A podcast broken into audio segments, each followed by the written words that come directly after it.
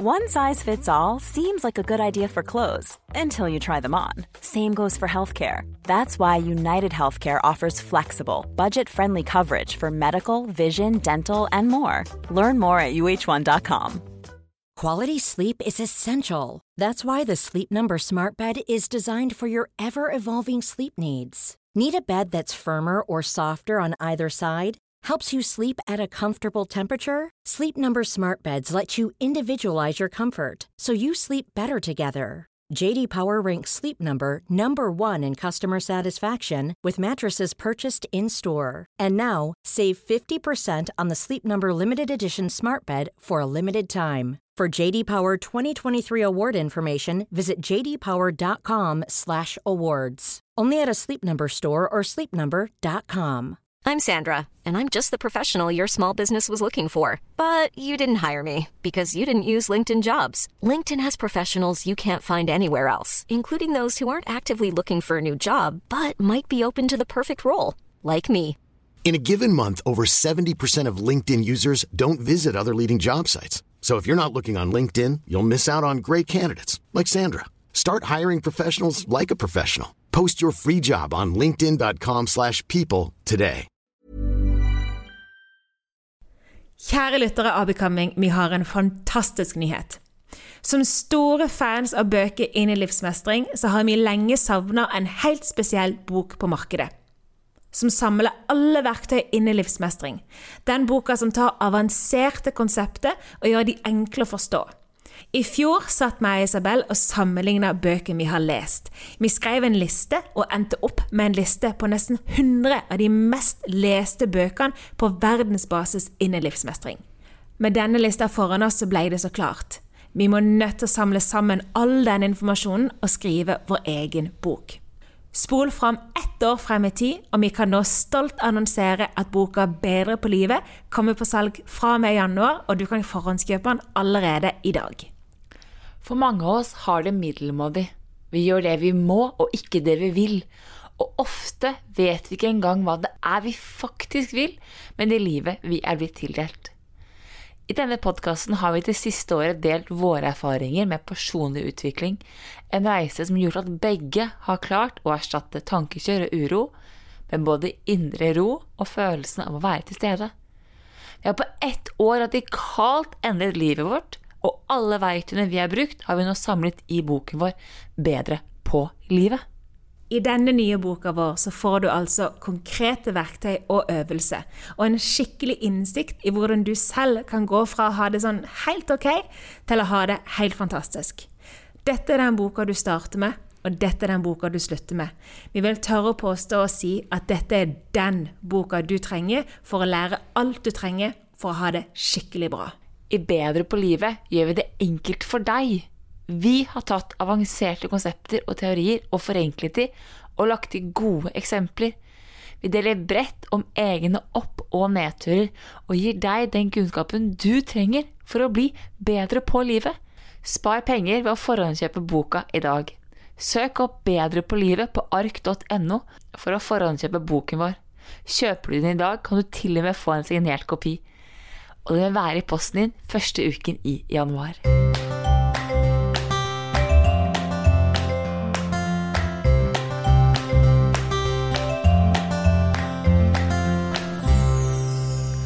Hei alle sammen, og velkommen til en ny episode av Becoming. I dag så er jeg i Acast sine studioer fordi jeg har fått meg en gjest inn. Og den gjesten er Ser han på meg litt sånn øyne? Det er en eh, venn av meg, og jeg kaller han min mentor. Eh, han er psykolog, og han har vært med å veilede og ha samtale med meg om temaer, annet innenfor psykologi og livet. Velkommen til studio, Geir. Wow, takk Isabel. Det var hyggelig, da. Ja, jeg traff deg, bare så at folk kan ha en bakgrunnshistorie hvordan jeg traff Geir. Jeg og Geir har jobbet sammen i tre måneder på et DPS, som er en Hva er DPS, egentlig? Ja, det er en offentlig institusjon da, som hjelper folk eh, med psykiske vansker.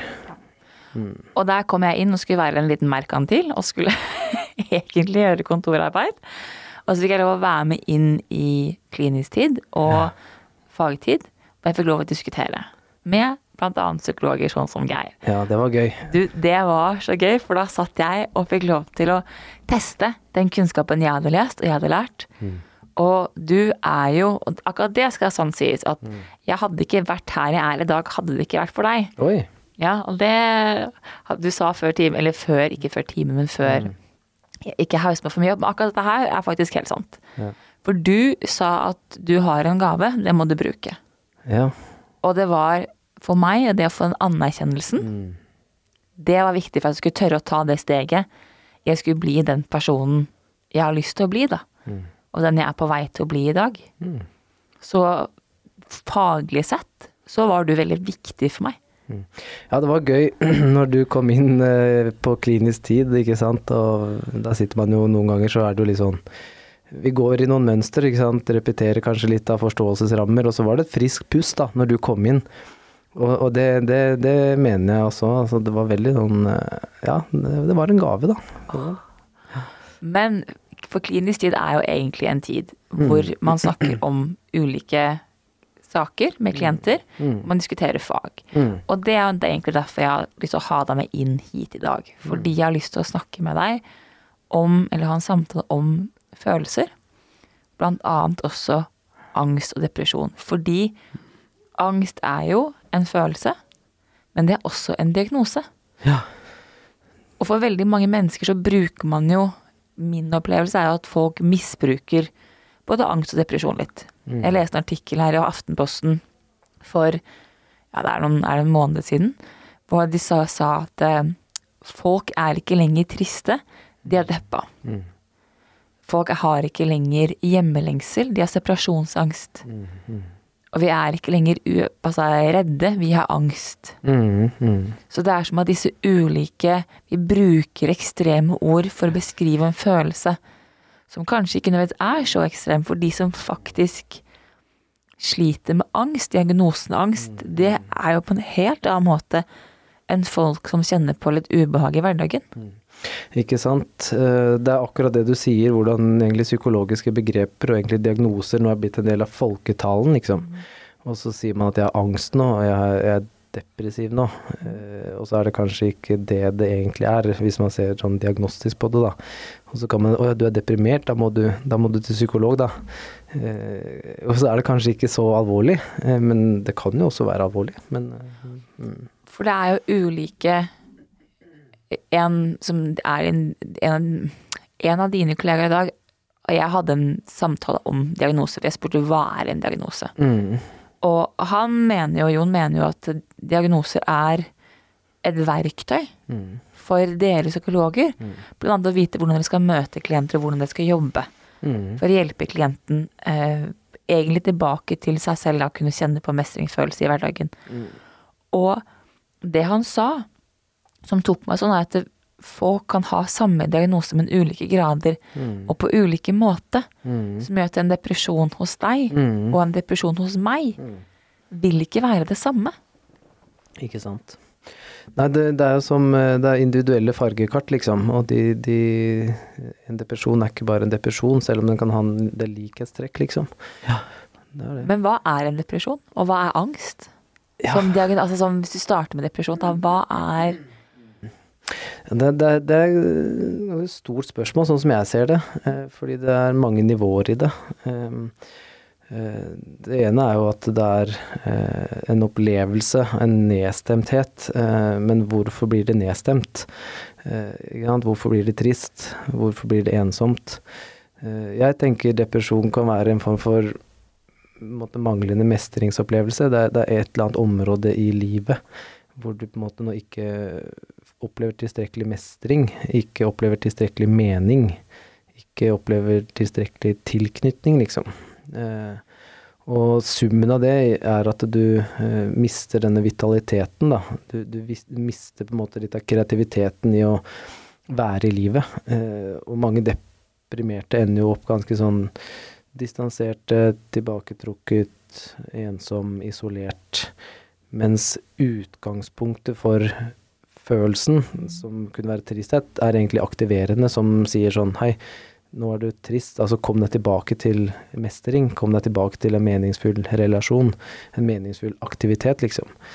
Så følelseslivet i en depresjon, eh, tenker jeg det er liksom det som kanskje blir lidelsen her. At du mester ikke å fortolke den som en aktiverende følelse som er ment å guide tilbake til livet, men du fortolker den som en smerte som du må holde deg unna. Og der er du i et problem. Fordi du Vi hadde jo en samtale her forrige uke hvor vi snakket om litt om denne episoden her, og så sier du at du tenker at depresjon er også en form for um, lært maktesløshet. Mm, mm. Og den traff meg. Mm. For jeg tenkte jo at der For det du sier nå, er jo at depresjon er jo egentlig kroppens måte å si jeg trenger endring på. Mm, mm. Jeg må gjøre et eller annet. Mm. Dette fungerer ikke. Mm. Altså det er jo, Depresjon har jo også en, en fysisk Det skjer noe fysisk og mm. kjemisk i hjernen, men det er jo også en måte som sier at jeg må tilbake Jeg må hente mer liv, da. Mer kraft inn. Uh, men jeg tenker jo at vi mennesker, vi lærer oppførsel. Fra andre og fra livet. Sånn altså Eller hva kan man si? Du du lærer en måte å overleve altså overlevelsesmekanismer. Du lærer en måte å mm. overleve på, det jeg prøver å si. Og at i den måten å overleve på, så vil vi i møte med depresjon, da, mm, så er det mm. lettere å skulle lære seg maktesløshet mm. enn det er å skulle sitte i ubehaget og jobbe seg gjennom. Eller tar jeg feil? Ja, du kan si, i hvert fall fra mitt perspektiv, så er det litt sånn du møter en situasjon, og så kan du ha ressurser nok til å håndtere situasjonen i forhold til egne standarder, andre standarder, normene, liksom. Eh, og så kan du oppleve å mestre den situasjonen, og da, da er det liksom vitalitet og god følelse. Eh, glede, ikke sant. Eh, men så kan det hende at det er for krevende da, situasjon, om det skal handle om en vanskelig relasjon du ikke finner ut av, eller en oppgave du skal løse, om det er studier, eller venninnerelasjon, mor-far-relasjon, eller eh, ja, en, en, en, eller annen tilstand inni deg òg, Et behov du ikke helt får møtt, ikke sant. Um, så, så, får du da ikke tilgang da, på nok ressurser til å erfare mestringen, eh, og så gjentar dette seg over tid. Og når da manglende mestring er der, så, så opplever du en eller annen form for maktesløshet. Jeg har ikke sjans, jeg har ikke tilstrekkelig ressurser til å håndtere det i forhold til egne standarder eller andre standarder, avhengig av hvor man legger seg. Eh, og da, da er det jo da en sånn form for resignasjon, da, eh, som kanskje kommer, hvor man på en måte merker at nå, nå, nå er det ikke viktig å bruke mer krefter på det her, fordi jeg erfarer ikke å lykkes, liksom. Um, og da er det jo sunt på et eller annet vis å, å spare på ressursene, da. Uh, det er jo eksperimenter på hunder som på en måte lukter mat på andre siden av veggen, men veggen er for høy til at de skal hoppe over. Eh, så er de sultne, da, men de prøver å hoppe over, men det er, for høyt. Eh, så mestringen funker ikke fordi veggen er for høy, og så ender de med å legge seg ned i en eller annen sånn type ja, lært hjelpeløshet eller lært eh, maktesløshet. Og der er du nærme noe depressivt. Ja. Men det gir jo egentlig veldig mening, fordi vi har jo tidligere i podkasten snakket om boken The Choice av Dr. E. Rieger. Mm. Og hun er jo opptatt av valg. Mm, mm. De valgene Hun sier at du får ikke gjort noe med fortiden, mm. men du kan gjøre noe med det valget du har her i dag. Mm. Og maktesløshet er jo er min opplevelse er en følelse som sier at jeg har ikke noe valg. Mm. Jeg har ingen makt til å gjøre noe som helst. Og det jeg da begynner å fokusere på, hvilke valg har jeg faktisk? Hva kan jeg faktisk gjøre? Ja. Fordi det er som at min tanke er jo, og min opplevelse selv, i det å spesielt i møte, i møte med ubehagelige følelser, mm. er jo at vi ofte glemmer mm. hvilke valg vi har. Mm. Vi ofte glemmer hvilke mennesker vi kan ringe, hvilke, altså det, hvilke ulike metoder vi kan bruke, da. Mm. Fordi at uh, ubehaget og smerten blir så stor. Ikke sant. Og noen ganger så kommer jo smerten liksom bottom up, da. Det er bare kroppen som reagerer nå, og du kjenner en eller annen redsel eller en eller annen eh, si, tristhet som bare kommer som en bølge uten at du visste helt at den kom, til og med. Eh, og den kan jo føles som om man kommer litt utenfor en selv. Eh, men som du sier, dette valget med å si sånn ok, det er et eller annet som har skjedd nå i livet, enten tidligere eller nylig, som på en måte gjør at jeg får en reaksjon, da. Og den kommer litt uten at jeg valgte at den skulle komme. Altså er den ukontrollerbar. Men første steg er litt som du er inne på, tror jeg, altså at erkjenne at ok, har, det er min kropp. Eh, det er min aktivering i kroppen. Det er min følelse, min tanke. Eh, og der er håpet, på en måte. eh, I å anerkjenne det. Men det er litt krevende, da, fordi noen ganger har jo tatt reaksjoner, har tatt litt bolig i kroppen som andre har påført en, traumer eksempelvis. Så er det liksom å ha empati med det, men samtidig anerkjenne valget i å skulle endre eh, en del av et følelsesmønster, tankemønster, atferdsmønster, da. Og det valg er jo helt i kjernen. Mm. Og jeg mener jo, og jeg har sagt i en podkast her tidligere, at min definisjon Jeg tenker at følelser er energibevegelse. Mm. Og at jeg ser på følelser som Fordi det er energi, så følger oss naturens lover. Eh, og energi kommer i tre former. Det kommer jo i fast form, i flytende og i gassform. Mhm. Og jeg pleier å sammenligne vann, nei, følelse med vann. Mm. Så når du jeg tenker jo, når du får en følelse, så kommer den inn som sånn flytende du, vann du kan drikke. Og så har du to valg. Du kan skru opp temperaturen, hvor du transformerer følelsen i slipp, og den automatisk vil slippe. Eller du kan legge lokk på følelsen, dytte den ned i kroppen. Da vil temperaturen synke, og følelsen blir til is og lagres i kroppen. Mm. Og så Fin går du- metafor. Ja. og så går du ut i livet, og så møter du på gamle situasjoner, situasjoner, som trigger disse gamle følelsene. Som hodet har glemt, men som kroppen husker. Og så kommer de opp igjen. Mm. Hva, hvordan vil du liksom Hva er din definisjon av følelser? Og hvordan vil du forklart Mhm. Gir det mening, det jeg sier? Altså, Absolutt. eh, Det gir jo mening, eh, absolutt det du sier, og veldig fin metafor, da. Hvordan man på en måte tar imot følelsen som vann, og så skrur man opp, så blir det ja, forsvinner den i en gassform, eller så lagrer, lagrer den seg som is, liksom. Nei, altså Hva er følelse? Um, jeg tenker følelse har litt flere lag. Altså jeg tror det er noe som skjer i kroppen. Det er en aktivering. Vi har et nervesystem som gir liksom fyr til kroppen, da. Eh, og da er det liksom intensitet i det, og det er kanskje en grad av behag eller ubehag som er liksom i grunn, helt i grunntonen av følelsen, da. Vi har ulik intensitet, liksom, og det kan føles godt eller vondt. Det er liksom platt, eller grunnplattformen, liksom. Um, og så er det samtidig et utvalg jeg tror altså, viser seg at vi blir født med måte potensial for følelser da, som er ment å guide mot behov. Eh, altså eksempel som jeg sa i stad, tristhet er kanskje egentlig ment å, å hjelpe deg til å si at det er et eller annet som du ikke helt mestrer, eller det er noe du mangler, liksom. Så, så kan du starte med nysgjerrighet og se om du finner litt ut av det. Det er kanskje det eh, følelsene er ment å gjøre, nettopp guide mot behov, da. Um, så finner du mange forskjellige typer følelser, ikke sant. Redsel, glede, ømhet, um, sinne. Ikke sant? Forskjellige følelser, som alle har på en måte sin funksjon, da. Så, så hva er en følelse? Um, det er en kroppslig opplevelse.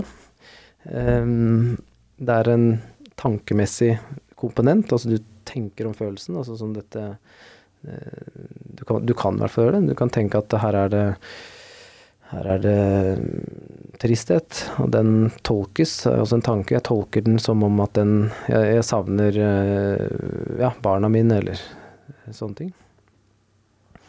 Um, og så har man også den på en måte eh, Foruten kroppen og tanken, ikke sant, så har du liksom den mer sånn Kall det sånn Det er sånn fremmedord, kanskje, men det er sånn affekten, eller liksom eh, emosjonen, altså sånn den, Ja. Litt sånn kanskje vanskelig å, å, prøve å forklare lett her, altså, men eh, det er på en måte den opplevelsesmessige delen av det, da. Ikke sant? Du kjenner svette i hendene, f.eks. kroppen, ikke sant. Og du tenker en tanke at nå er, eh, nå er jeg redd, ikke sant. Og så har du den opplevelsesmessige komponenten. Så på en måte kanskje er den helheten som man ofte forbinder med følelse, da. Jeg mener at veldig mange Jo, det var en fin forklaring, for jeg mener at veldig mange mennesker ikke vil føle den opplevelsen. De vil tenke tanken, Mm, mm, men hvis ikke du føler, hvis ikke du føler opplevelsen mm. som følelsen kommer med For meg så har du ikke skrudd, har du ikke skrudd opp temperaturen. Da har ikke isen fått lov til å smelte. Da er den fortsatt en isklump. Mm, mm. Og den blir fortsatt liggende og værende i, kropp, altså værende i kroppen fordi kroppen har behov for at Men skal du slippe, så må du også tillate kroppen å få lov til å ha den opplevelsen den vil ha. For jeg tror på lik linje som deg at en følelse vil guide mot et behov. Den, forsøker, for- den har en funksjon, den forsøker å fortelle deg noe. Og det, det å vite, det å begynne å være nysgjerrig på hva er det følelsen forsøker å fortelle deg. Og hva er det for eksempel Altså, jeg har at veldig mange mennesker enten sliter med sinne eller tristhet. Mm. Det er jo to ting som jeg tenker at de er noe mange mennesker sliter med. Det og frykt. Mm. Og eh, frykt er jo, hvis du bruker de siste hver dag, tre årene, med covid og Mm. pandemi, så har frykt blitt en følelse som virkelig har blitt skrudd opp i, så kollektivt i samfunnet. Og som jeg tror folk har vært litt uforberedt på. Mm. Det å møte sin egen frykt, det å møte andre menneskers frykt, og det møter sånn eksistensiell frykt som et virus ikke kan se. Mm. Ikke sant? Og det tror jeg har gjort at veldig mange mennesker kan kjenne på noen form for angst. Uten nødvendigvis å vite hva angst er, om det er en angstdiagnose. Men så har man begynt, som sier da, du sa i starten av poden at dere, vi har, mennesker har begynt å bruke psykologiske begreper i hverdagsspråket. Mm. Mm. Ikke sant? Mm. Så jeg tenker jo at det derre det å være nysgjerrig på hva er det følelsen egentlig forsøker å si. Ja, hva forsøker du å si, ikke sant? Og det, det å ha den nysgjerrige holdningen er jo et startpunkt, men som du er inne på, så er det mange som på en måte, på en måte viker litt eh, opplevelsen i kroppen og, sant, av følelsen, ikke sant? Og ikke kommer til en fortolkning eller en tanke på den engang, at den er bare ubehagelig. Jeg vil ikke ha den, få det vekk, liksom. Eh, og da avviser man jo følelsen, og da finner man heller ikke behovet, på en måte. Eh, så ja, og da, da er man litt på en, en litt sånn vei hvor du sannsynligvis stagnerer litt, da. Og vi har jo hatt flere samtaler hvor du bl.a. har sagt altså, at du har snakket om metaperspektiv. Og det er faktisk noe jeg har, lyst, jeg har egentlig lyst til å snakke om, kjente jeg. det kom nå. Veldig gøy. Men det er fordi jeg opplever at folk sliter med å føle opplevelsen. Selve opplevelsen, det å kjenne svetten i hånden, det å kjenne liksom, om det er hardhjerte, eller kjenne eh, hjertet dunke, kjenne den intensiteten av følelsen, det syns folk er skummelt. Så folk slutter å føle. Nå må du korrigere meg eller arrestere meg, men det er i hvert fall min tolkning av hva som skjer med veldig mange. Og så er det at når man skal begynne å føle igjen, så er det ikke bare sånn at kroppen du bare kan skru på Ja, nå skal jeg føle, og nå skal jeg føle alt. Men så du har jo sagt at du må starte med et form for metaperspektiv. Altså du må starte å snakke om det. Du må starte med å snakke om følelsen. Og kanskje må du snakke om følelsen langt der ute. Jeg ser at de er. Det kan være også en måte å begynne å, å jobbe med følelsene på. Ved å begynne å kunne snakke om følelser før du kan begynne å tenke at kanskje jeg har den følelsen, og eventuelt føle. Ikke sant. Altså dette observerende blikket, da, eller posisjonen, som er en del av å, å bli litt kjent med et følelsesliv, eh, så er det samtidig også, jeg tror noe som er enda litt før der, er liksom en sånn ydmykhet eh, av å være liksom tilgjengelig, da. Og jeg tror ofte så trenger vi å, Den isklumpen trenger å bli berørt, og ofte så får vi ikke til å berøre den helt alene, da. Så man trenger liksom en eller annen relasjon som plutselig bare får til å berøre eh, noe som er isbelagt, og hvor det er starten på oppvarmingen, da, eller opptiningen. Eh, men så er det veldig mange som måte holder seg på trygg avstand også fra relasjoner eh, som de er redd for skal komme for nær. Men så er det på en måte en ambivalens i det, hvor de egentlig har behov for at noen kommer nær og, og berører de litt. eh, For å få den opptiningen. Eh, Og det er først kanskje da, i dette samspillet, at det, det, er, mulig, det, det er det potensielle rommet da, for å skulle bli litt mer kjent med opplevelsen av noe som har frosnet, eller noe som har vært distansert eller spaltet vekk, liksom. Men for at da Nå må du igjen arrestere meg her, men hvis jeg nå skal ta inn andre begrep vi har snakket om før, så har vi Mhm, snakket om mhm. offermentalitet. Og det er en episode vi har fått mye kommentarer på, for folk har sånn jøss, jeg er offermentalitet. Så vi snakket om depresjon som en form for selvlært, maktesløshet. Mm. Som egentlig er behov for aktiv, Du kaller det aktivering, en form for igangsetting. Det må skje en handling i livet. En endring, rett og slett. Behov for endring. Mm. Så er det som at for meg blir da offermentaliteten hvor denne selvlærte hjelpeløsheten ikke er min feil. Det er en måte å skyve unna ansvaret på at den følelsen jeg føler nå, den er ikke jeg ansvarlig for. Nei, sant, og det, det her er jo litt sånn, litt sånn krevende landskap når man jobber i terapi, da, fordi eh, på ene siden så er det gode grunner, det er noe som på en måte har vært krevende i et liv, i en kontekst, i en relasjon, som, som på en måte på et eller annet nivå så er det gode grunner for å å være litt maktesløs. Og overgriper var for sterk, eller eh, ikke sant. Alle disse tingene. Det er gode grunner. Og det må bekreftes, tenker jeg, eh, i seg selv. Eh, men så kommer det på en måte til det punktet hvor man har den eh, muligheten for å ta et valg, da. Og man skal på en måte la seg bli måte, overkjørt av reaksjoner i kroppen eh, og tenke at de kommer bare utenfra, eller om de faktisk skal eies som Nå har de nå tatt bolig i meg, disse reaksjonene. Denne maktesløsheten, denne hjelpeløsheten. Og på en måte ha en agens i det. Ta førersetet, liksom. Og de som ikke får til det, fortsatt driver og snakker utover om alle andre, da er du nærmere noe i en vedvarende uheldig offerposisjon. Eh, selv om i utgangspunktet var det kanskje helt sånn Selvfølgelig, du er et offer her. Men det er et valg å komme videre, på en måte. Og det er litt tøft budskap å si som terapeut, men det er også nødvendig. Ja, for du har jo lært meg et av mine favorittsitater. Og det er at innimellom så har man ikke fått nok juling av livet. Innimellom så må folk gå en runde til før man er villig. Før man har kommet til det punktet hvor man kan anerkjenne at ok, jeg må faktisk gjøre en endring. Og det tenker jeg, det å ha den ærligheten på at vet du hva, det kan Jeg har ikke liksom klart Altså overgi er feil ord. Jeg tror aksept er ordet om at jeg egentlig leter etter. Er at det å akseptere at jeg faktisk må gjøre en endring. Fordi det er min opplevelse av egen erfaring mye lettere å prate om ting enn det er å skulle føle den forbanna følelsen. I, absolutt. Og dette med smerte, som du sier, at noen ganger så må det mer smerte til før man får en erkjennelse av at jeg kan ikke fortsette som jeg gjør. Ikke sant. Eh, og, og da kommer man i valgposisjon, mens andre har nettopp ikke erfart denne smerten av f.eks. tap av kjæreste, tap av familie, tap av jobb, tap av mening. Og så fortsetter de litt sånn som om det var greit, liksom.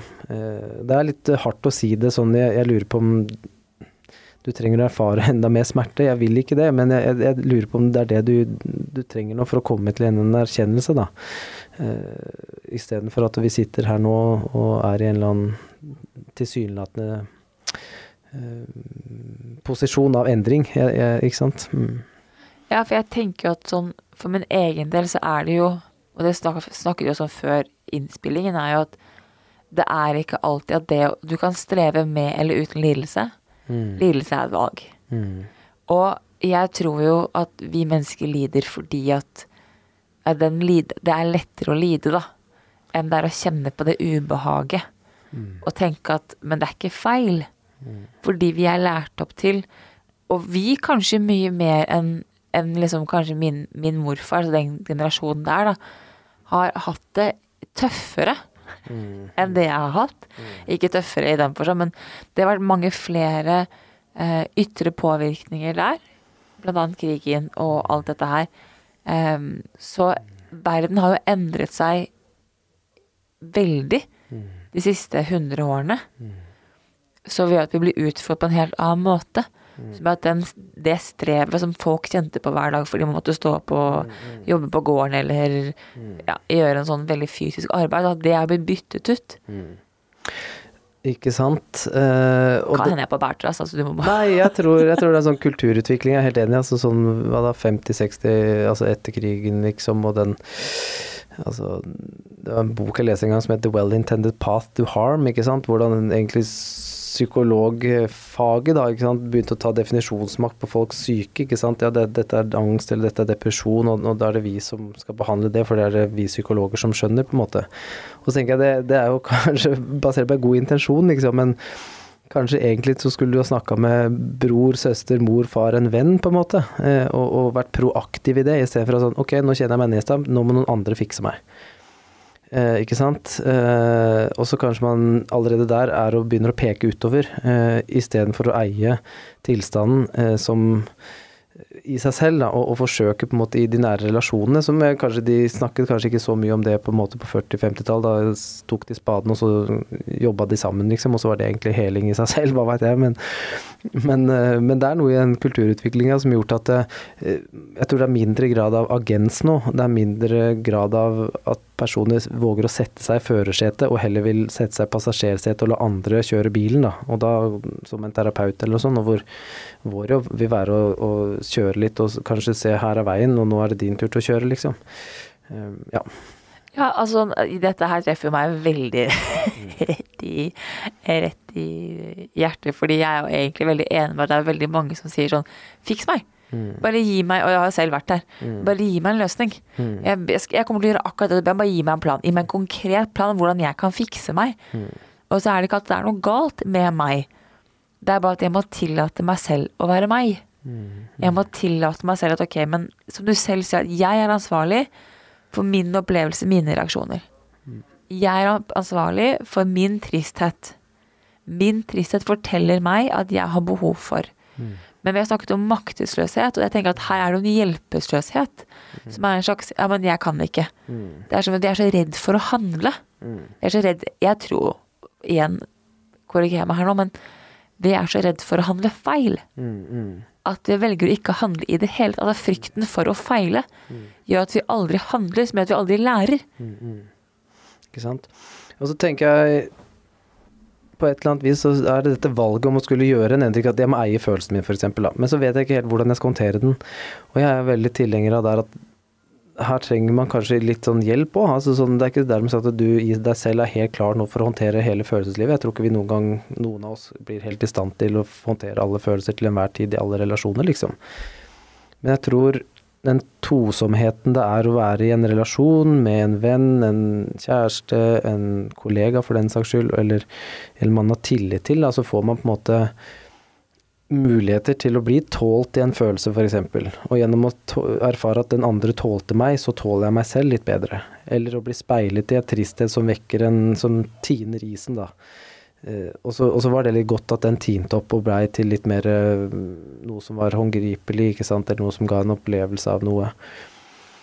Eh, som på en måte guidet mot et behov, da. Jeg blei sint nå, og da satte jeg grensa opp for, for en kollega som uh, var ugrei, liksom. Så eier du på en måte følelsen, og så representerer du den, men noen ganger så trenger man den relasjonelle hjelpen, da. Uh, som jeg tror også For det er litt uh, Tenke at vi skal klare det helt alene, er også litt sånn Blir litt uh, tror ikke alle får til det. Jeg tror de trenger litt hjelp. Men at de må eie valget først. At jeg vil jeg eier følelsen min, og jeg, jeg, jeg, tar et valg om at jeg tror ikke jeg helt får det til alene. Jeg må velge å, å, få litt hjelp av en venn eller en terapeut eller en familiemedlem, liksom. Ja. Jeg vet ikke om det gir mening, det jeg sier nå? Jo, jeg tenker fordi Jo, jeg har egentlig lyst til å si fordi um, det gir veldig mening. Det handler jo egentlig om å spare mye mer for meg. Mm. Det handler om at du har, du har, behov for at noen kan spare med deg. Men, okay, men den veien jeg går nå, er det Hva mm. tenker du? Mm. Er jeg på riktig spor? Mm. Fordi en følelse i seg selv kan være ganske omfattende. Mm. Og det å jobbe med gamle følelser, mm. det er uh, intenst. Og der kan det være fint å ha noen som kan hjelpe med å sortere, som har et helt annet syn. Men du er jo lidenskapelig opptatt av grupper i ditt arbeid innenfor psykologi. For du mener ikke peke og si du mener, men eh, du har sagt til meg at eh, vi kommer fra en stamme. Altså vi er stammefolk.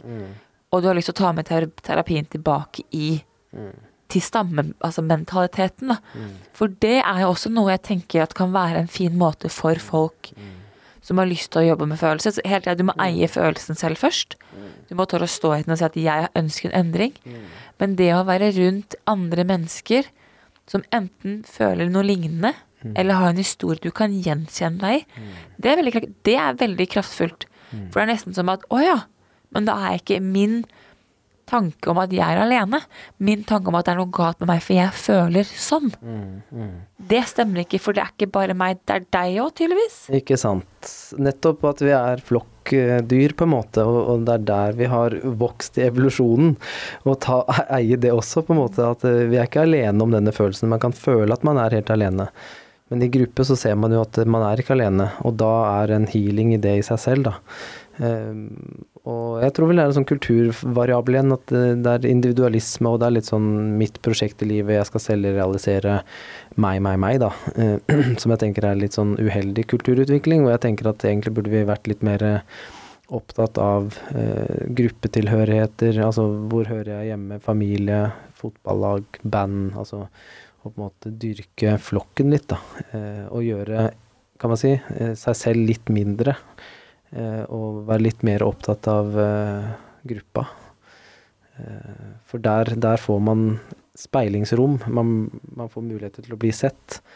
Man får muligheten til å bli berørt. Uh, og jeg vil jo ikke alltid heller være med på den unngåelsen som jeg hører fra mange uh, som handler om at nei, men uh, jeg, vil ikke, jeg, jeg, vil ikke, være til belastning for andre, eller jeg vil ikke ta inn over meg andres belastning. Og allerede der så bærer vi ikke ting sammen, da. så jeg, jeg, er litt på det store prosjektet Flokken, altså. Og kan man, den kan man trekke helt globalt. Og det kan du, og jeg tenker jo at jeg har jo sagt her at ved å jobbe med en egen smerte, altså ved å møte, tørre å sitte i møte med egen skygge, mm. egne måte, skyggesider, ting jeg ikke liker meg selv, så tåler jeg også andre menneskers skygge mye bedre. Mm.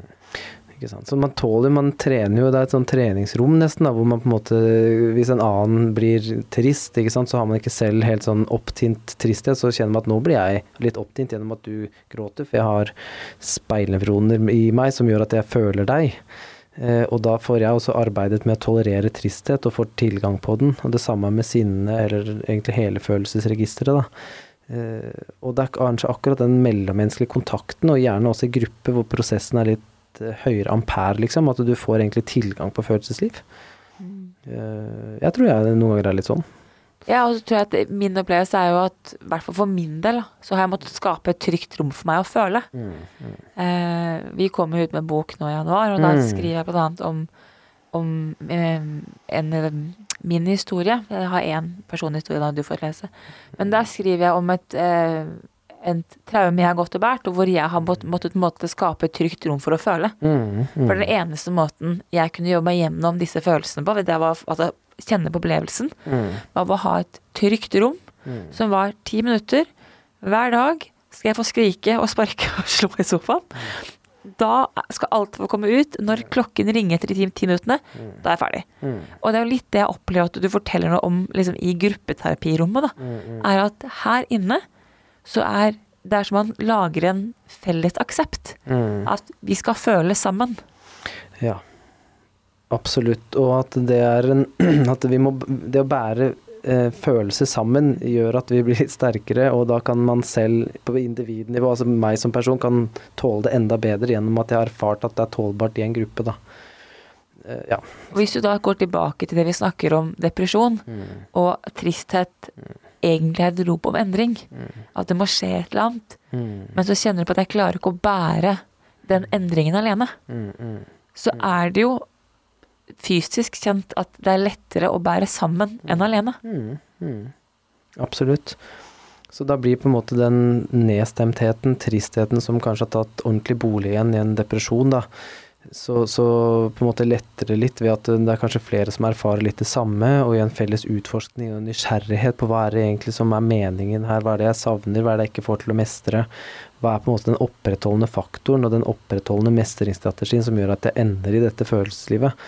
Eh, for det, jeg tenker at det må starte med en eller annen aksept for det som er, og samtidig i det videre en nysgjerrighet eh, på hva er det underliggende behovet, hva er det hva er det jeg egentlig ikke mestrer her? Er det en, noe inni meg, en indre konflikt, altså to behov som kolliderer? Jeg vil ut og reise, eh, men jeg vil også skape familie, og der har jeg en konflikt, og jeg vet ikke hvordan jeg skal håndtere den, så jeg blir litt nedstemt av den ambivalensen og den limbotilstanden, eller handler det om at jeg eh, er misfornøyd med jobben. Eh, jeg finner ikke mestring og mening der. Det er det som er tristheten. Det er derfor jeg blir deprimert. Altså og det her er det jo igjen, da. Tristhet i en kort periode er jo ikke depresjon.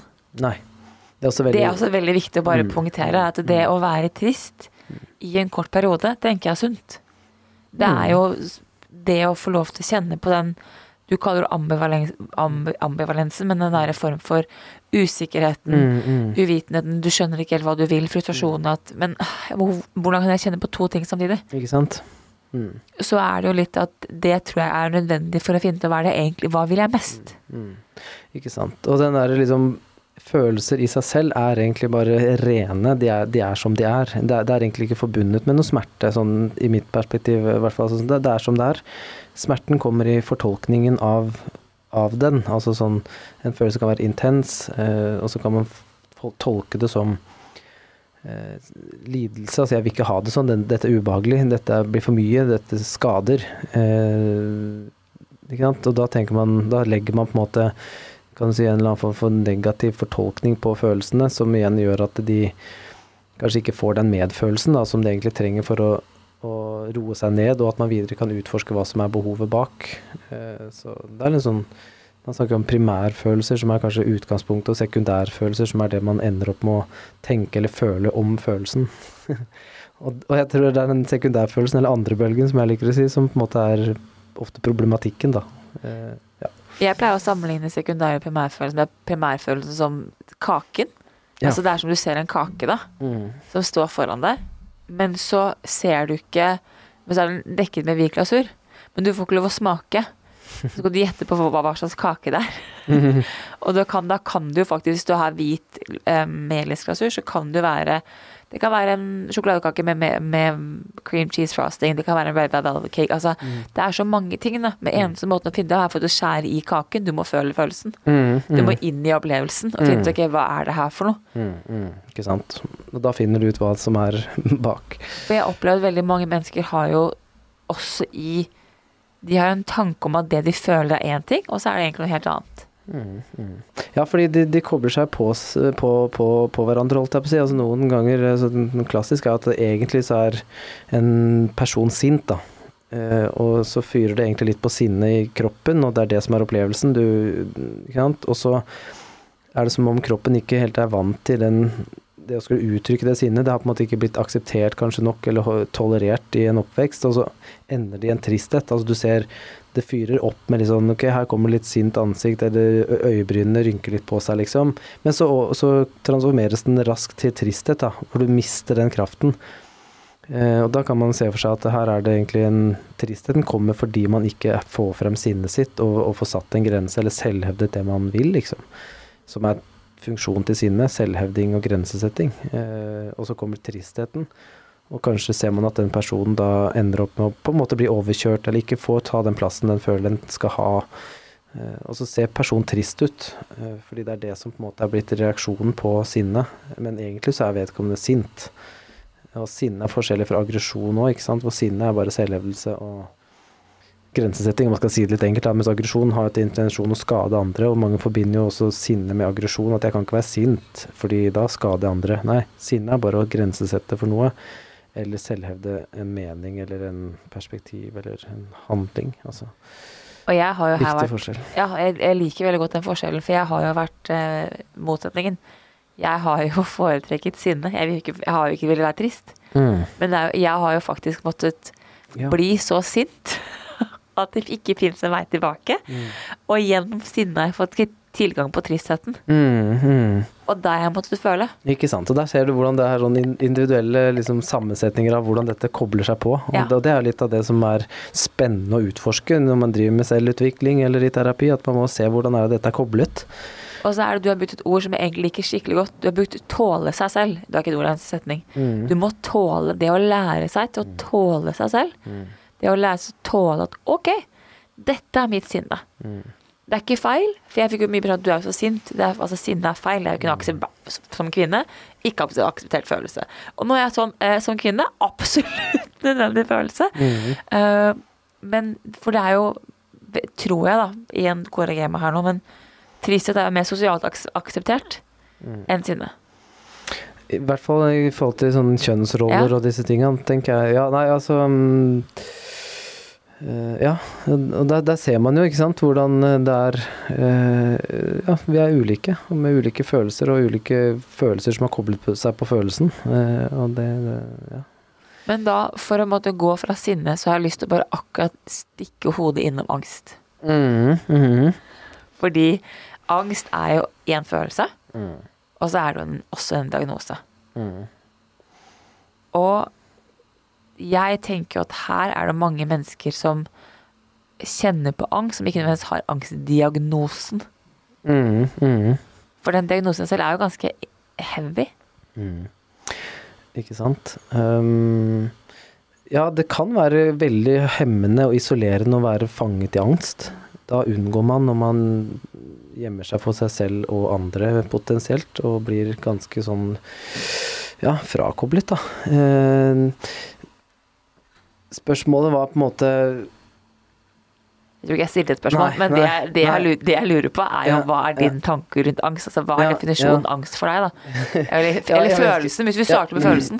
Ja, fordi jeg vet ikke om altså, Apropos det vi snakket litt om i stad, så jeg, jeg tenker jo Angst er en type opplevelsestilstand, eh, tenker jeg. Altså, altså, du har affekt, som det heter, som er kroppslig reaksjon som kommer fra bånda. Intensitet og grad av ubehag eller ikke. Og så har du liksom opplevelsen, som kan være Jeg opplever angst, jeg opplever uro, jeg opplever rastløshet. Jeg opplever uh, irritabilitet. Det tenker jeg er noen sånn opplevelsestilstand som kan vedvare over en dag eller en uke. Jeg, jeg går rundt og er nervøs, jeg går, går rundt i angst. Og for meg så er det liksom en opplevelse, eh, og hvor du egentlig ikke har funnet følelsen. Den er ikke liksom Man kaller det å differensiere følelses, følelsen. Så, så hva, hva, hva er bak angsten? Er, er, er det redsel? Er, er du redd noen ting? Sannsynligvis. Altså angst, irrasjonell frykt er kanskje den enkle definisjonen, men Angst kan også være fordi eh, man ikke man f.eks. er sint, og så har man ikke fått lov til å representere sinnet, og så er det egentlig en følelse som ligger latent, som du egentlig ikke får ut. Og så får du angst fordi du ikke får lov til å være sint. Så, så angst er veldig relativt, og for meg så er det en opplevelse og så, mm, som gjør at du egentlig er eh, har en grunnleggende redsel for et eller annet, men det kan være veldig mye, og det trengs å utforskes, da. Eh, hva som ligger bak angsten, eller hva som ligger bak uro, rastløshet, irritabilitet. Udif udi- udifferensierte følelser er et sånt fagbegrep på det. At det er liksom ikke Da har du, ikke, da har du på en måte noe du ikke helt har dykket inn igjen, da. Eh, som gjør at du strever. Angst kan være sånn angst for følelser, angst for situasjoner, angst for objekter. Ja, ok, så det handler om du er redd for et eller annet. Så egentlig handler det om redsel. Men hva er du redd for? Ellers så liker jeg, ja, og det her er jo inne på som det er å ikke kjenne til hva, finne ut hva er i bunn. Fordi min opplevelse er jo at når jeg kan klare å, det, å identifisere en følelse, så slipper jo frykten. Da slipper jo det ukjente momentet slippes jo. Ikke sant. Fordi når du er, eller finner den følelsen, så har du allerede funnet kompasset, og den, den guider deg mot eh, et behov. Altså Ja. sånn Ok, strever du med altså sånn spis, spising, da, så har du liksom opplevelsen Ok, det rumler i magen. Ehm, du kjenner en sånn form for nummenhet kanskje i kroppen etter hvert når du har gått lenge sulten, og så og så er det liksom Ok, det hele kroppen prøver å si, er å spise mat. Uh, så kan det være gode grunner for å ikke spise mat, fordi det er noe Kanskje er en, man er i opposisjon til en relasjon, og man prøver å ta kontroll gjennom ikke spise, så det ligger Altså, det skal ikke gå inn den veien, men uh, poenget er på en måte uh, å finne den emosjonen eller følelsen som er tydelig nok til at den guider til behovet. Og, og det er en Da må du bli etterforsker. Da må du bli eh, La deg berøre andre, la andre få lov til å prøve å se deg, eh, og prøve å se deg selv. Eh, og da kanskje det blir noe som blir tydeligere, da. Tror jeg, da. Jeg vet ikke. Føler Jo. at Ja. Jeg liker egentlig den definisjonen der veldig godt, for det er som at hvis du igjen da går tilbake til det du sa tidligere i pod-episoden, så sier du at du tror vi trenger hjelp av hverandre. ja, det tror jeg absolutt. Og det er, min opplevelse er jo at det er lettere å at få hjelp av andre til å etterforske mine egne følelser. Spesielt når opplevelsen av følelsen i kroppen er for sterk. Mm, mm. Hvis den blir for sterk, så sliter jeg med å tenke logisk. Absolutt. Og det er jo, altså Hvis du går rent inn i kroppen fysisk, så er det jo at da tar jo underbevisstheten og den emosjonelle hjernen over. Ja. Og da kobler ut den, liksom, den kognitive delen av hjernen. Mm. Da er jo den bare sånn boff, du røk først. Ja, ja, Yngst, yngste delen av hjernen, den ryker først. Den ryker, den tar over, og så får man ikke observatøren til å funke, og så får man ikke fortolket på behov under, og så er man litt lost in space. Ja. Og da er det lettere hvis det kommer andre mennesker inn, Mm. som kan måtte ha det opp, altså den objektive vinklingen og si hei. Mm. Nå ser jeg at du kjenner på en følelse. Skal vi sette oss ned og forsøke å identifisere hva det er som faktisk skjer? Ikke sant? Og, og den jeg ville kalt det mer sånn faktisk en subjektiv uh, altså jeg, kan, jeg vet ikke hva du føler, så jeg kan aldri bli helt objektiv, men jeg kan, jeg kan bruke mitt eget subjekt til å si hei, jeg, det jeg lurer på om det er litt sånn, eller jeg føler sånn, er det litt sånn for deg? Og så blir det sånn intersubjektiv prosess hvor vi finner litt ut av det sammen. Uh, ja, så jeg jeg vet ikke. Jeg er ikke så fan av det objekt-subjekt. Ah, ja. Men da Hva, hva er ordet? Du, innimellom så bruker du så sykt mange fancy ord, vet du. Ja, det, er, det, det må jeg slutte med. Nei, Jo, jeg syns det, for det blir fremmedgjort, det òg. Jeg syns det er litt kult. For jeg keep it real. ja, men jeg lærer nye ordene der. Ja, ja, ja. Nei, man må holde det litt ekte. Jeg, jeg, jeg, jeg driver og trener meg på å ta vekk disse fremmedordene, jeg, altså. men eh, noen ganger så blir jeg litt fanget i, i dette fremmede språket. Ambivalens, liksom, og differensiert, og hva betyr det, Ja, liksom. men du kalte det inter... Ja, inter betyr jo mellom. Inter, det er liksom Hvis jeg skulle vært objektiv, så hadde jeg definert hva du føler, da. Men det veit jo ikke jeg noe om. Jeg Nei. kan jo aldri lese den andre fullt og helt. Jeg kan bare bruke mitt eget subjekt og tippe. Eh, og så kan, man, og så kan, det, så kan du Så resonnerer den tippingen i deg. Så jeg bruker mitt subjekt til å tippe på ditt subjekt. Ja, for jeg pleier å si Og da blir det i et intersubjektivt Ah, felt. Ja, der kommer relasjonen frem, da, selvfølgelig. Ja, og da er, vi, da er det et vi, da, som driver og jobber sammen. Istedenfor at det er deg og meg, så er vi sammen uh, i, i prosessen. For jeg har jo Jeg pleier å si til mine klienter at min opplevelse er Jeg opplever at Ja, ja, og det er jo din opplevelse som du gir tilbake igjen. Ja. Og det kan stemme mer eller mindre, liksom. Ja. Og det er jo det som egentlig Vi har hatt en episode tidligere om speiling. Mm. Hvor liksom man speiler For det er jo sånn vi mennesker Vi tror at vi er så enormt intelligente, og at følelser ikke sitter i kroppen, og Mm. at den kognitive delen av hjernen styrer alt. Men vi er jo egentlig Altså, vi er flokkdyr. Vi kommer fra naturen. Mm. Følelser er jo i kroppen. Det er det som har gjort at vi har klart å samarbeide og finne ut av det, liksom. Og vi har jo i den forbindelse også her brukt kroppen vår til å passe inn rundt andre. Og hvis du går tilbake til flokkmentaliteten, da, så sa du med Mm. At det er jo faktisk sånne små speil inni, inni hjernen vår. Eh, kanskje ikke det ser ut som små speil, men la oss bruke den, den illustrasjonen nå. det ser ut som små speil. Øynene er jo litt speil. Altså, Ja. Hvis en, en blir berørt i øynene, så kan jeg bli berørt i øynene, og så speiles det litt. Så vi, vi, er, vi blir jo veldig sånn um, Ja, vi speiler hverandre. Vi tar hverandres oppførsel, og så tilpasser vi oss deretter. Og det er jo på en måte det jeg tenker at er i en relasjon, da. Hvor man da får den, spesielt hvis følelsene går tilbake til Vi snakket om at følelsen i seg selv blir så sterk. Det å få et annet menneske til å speile, eller hjelpe deg til å til at dere sammen finner ut ok, kanskje man ikke kommer helt, for jeg opplever at hvis det er en veldig sterk følelse, så er det vanskelig innimellom å komme ned til bunn med en gang. Ikke sant? Um, absolutt. Og, så er det noe med den Jeg tror startpunktet, det vi snakker om nå, er kanskje en sånn samregulering. At det, det kommer en følelse i én, og så er den andre med i den bølgen, på en måte. Og så, og så kan den andre liksom tone seg inn og være med og, og se at hei, dette, dette, dette tåler vi. Jeg ser det, dette er trist nå, men vi, vi er sammen i det, og de tåler det, liksom. Eller ja, nå er vi litt sinte, og så drar man på litt i stemmen, liksom. Så tror jeg det er poeng i sånn samregulering og ikke prate for mye heller. Altså sånn, der Kan vi ikke bare være i det, liksom? Og så snakke i hjel følelser. Det er litt kjedelig, da. Og så, så, så der, der, er mer sånn nonverbalt. Altså sånn i blikk, i mimikk og i sånn nynning, liksom. Sånn som man gjør med barn, da. Altså barn har ikke språk, men vi regulerer følelser for harde livet med barna våre, liksom. Det er litt sånn Vi kan bruke ord, men jeg tror vel så mye det handler om tonen. Mm, ja, eller ja. Mm, liksom, altså, det toner seg nonverbalt, da. Språket kan noen ganger komme litt i veien for noe som er mer eh, Men det, det er fint å ha språk, men jeg tror det kommer i andre det kommer liksom mer en sånn etterdønning, kanskje? Jeg vet ikke. Nei, det er som hvis du tenker, hvis du tenker på det at du sa om at, at følelse er en opplevelse. For den likte jeg veldig godt. Ja, det er flere komponenter, annet kroppen, og så har du liksom kanskje opplevelsen, og så har du den tanken. Og, det, og jeg sier at du må fra hode til kropp. Altså du må gå ned, du må gå fra hodet inn i kroppen, for så skal du, skal du føle. Og det du sier nå, at, og det er jo det jeg også opplever, at jeg opplever at veldig mange mennesker snak, snakker i hjel en følelse. Og man kan tenke en tanke, og man kan tenke en, og man forsøker å tenke en følelse, men man tenker følelsen så mye at man aldri får tilgang til det som faktisk er i kroppen. Ja.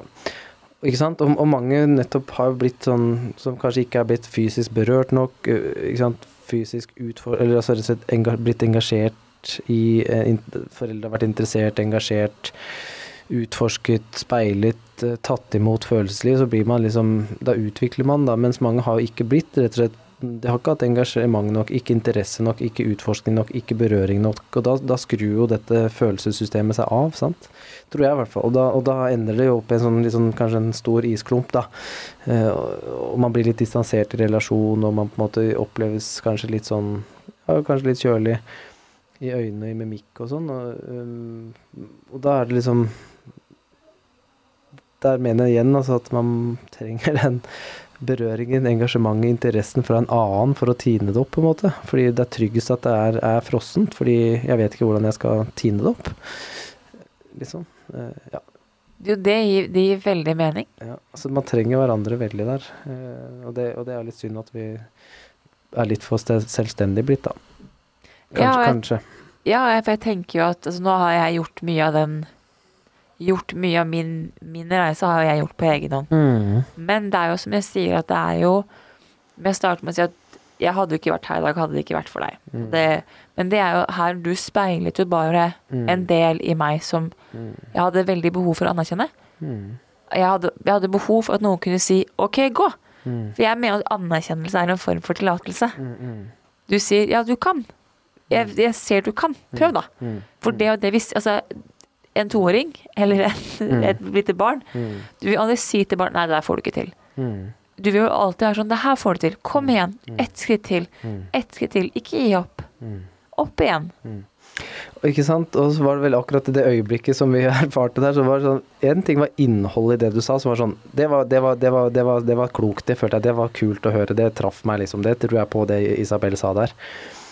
Men vel så mye som i det, så er liksom en ting er innholdet, men en ting var formen, da. Altså fordi den Det er noe patos, altså det er noe sånn Det er noe engasjement der, det er noe interesse der, det er noen følelser i formen, da. Det er noe sånn som bærer lenger enn innholdet, og det tenker jeg er den gaven som handler om evne til å koble seg på og vise interesse, vise engasjement, være inntonet.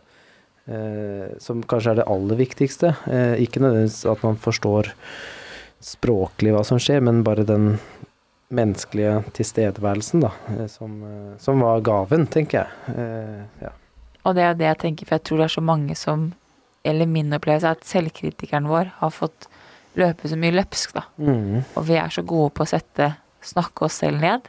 Vi er så gode på å holde oss selv nede. Vi er så gode på å være kritiske mot oss selv at det er nesten som at Eller min opplevelse er at du Vi trenger at andre mennesker sier det er greit at vi har troen på oss selv.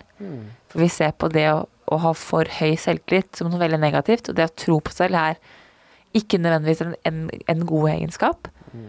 Eh, janteloven kommer inn her og sier at ok, skal du være en del av flokken, så må du ikke ha så høye tanker, ikke forsøke å gjøre så mye rart. Og så tror jeg egentlig at folk sitter på der ute sitter på så sinnssykt mye bra, da. mm, garantert. Men at det er det derre Det å tørre å prøve, Mm. det er der man stopper fordi man Og det er her ved å ha et annet menneske som gir tillatelse man prøver, jeg tror du får det til. At det gir en slags sånn Ok, men da prøver jeg.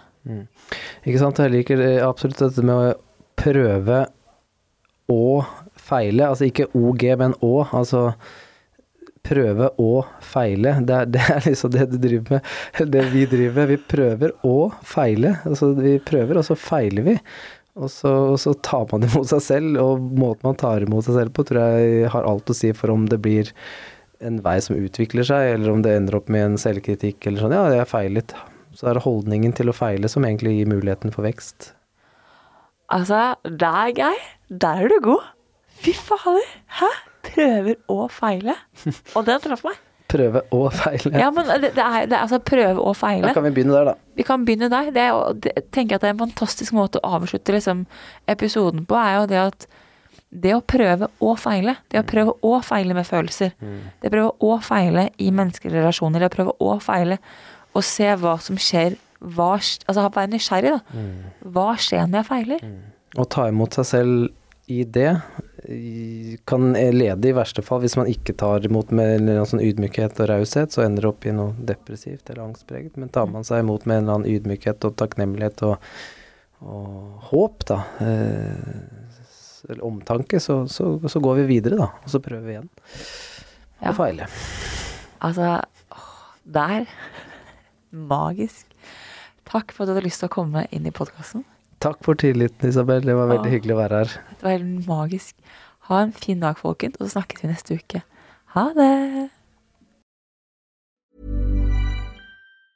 Planning for your next trip? Elevate your travel style with Quince. Quince has all the jet setting essentials you'll want for your next getaway, like European linen, premium luggage options, buttery soft Italian leather bags, and so much more. And it's all priced at 50 to 80% less than similar brands. Plus, Quince only works with factories that use safe and ethical manufacturing practices. Pack your bags with high-quality essentials you'll be wearing for vacations to come with Quince. Go to quince.com slash trip for free shipping and 365-day returns.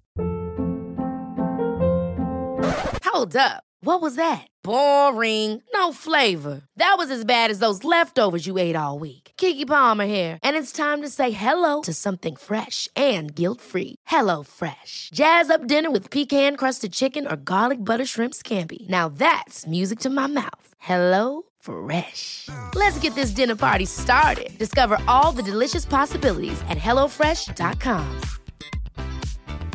Mom deserves the best, and there's no better place to shop for Mother's Day than Whole Foods Market. They're your destination for unbeatable savings, from premium gifts to show-stopping flowers and irresistible desserts. Start by saving 33% with Prime on all body care and candles. Then get a 15-stem bunch of tulips for just $9.99 each with Prime. Round out Mom's menu with festive rosé, irresistible berry chantilly cake, and more special treats. Come celebrate Mother's Day at Whole Foods Market. Even when we're on a budget, we still deserve nice things. Quince is a place to scoop up stunning high-end goods for 50 to 80% less than similar brands. They have buttery soft cashmere sweaters starting at $50, luxurious Italian leather bags, and so much more. Plus, Quince only works with factories that use safe, ethical, and responsible manufacturing. Get the high-end goods you'll love without the high price tag with Quince. Go to quince.com slash style for free shipping and 365-day returns. Imagine the softest sheets you've ever felt. Now imagine them getting even softer over time. That's what you'll feel with Bowl and Branch's organic cotton sheets. In a recent customer survey, 96% replied that Bowl and Branch sheets get softer with every wash. Start getting your best night's sleep in these sheets that get softer and softer for years to come. Try their sheets with a 30-night guarantee. Plus, get 15% off your first order at bowlandbranch.com. Code BUTTERY. Exclusions apply. See site for details.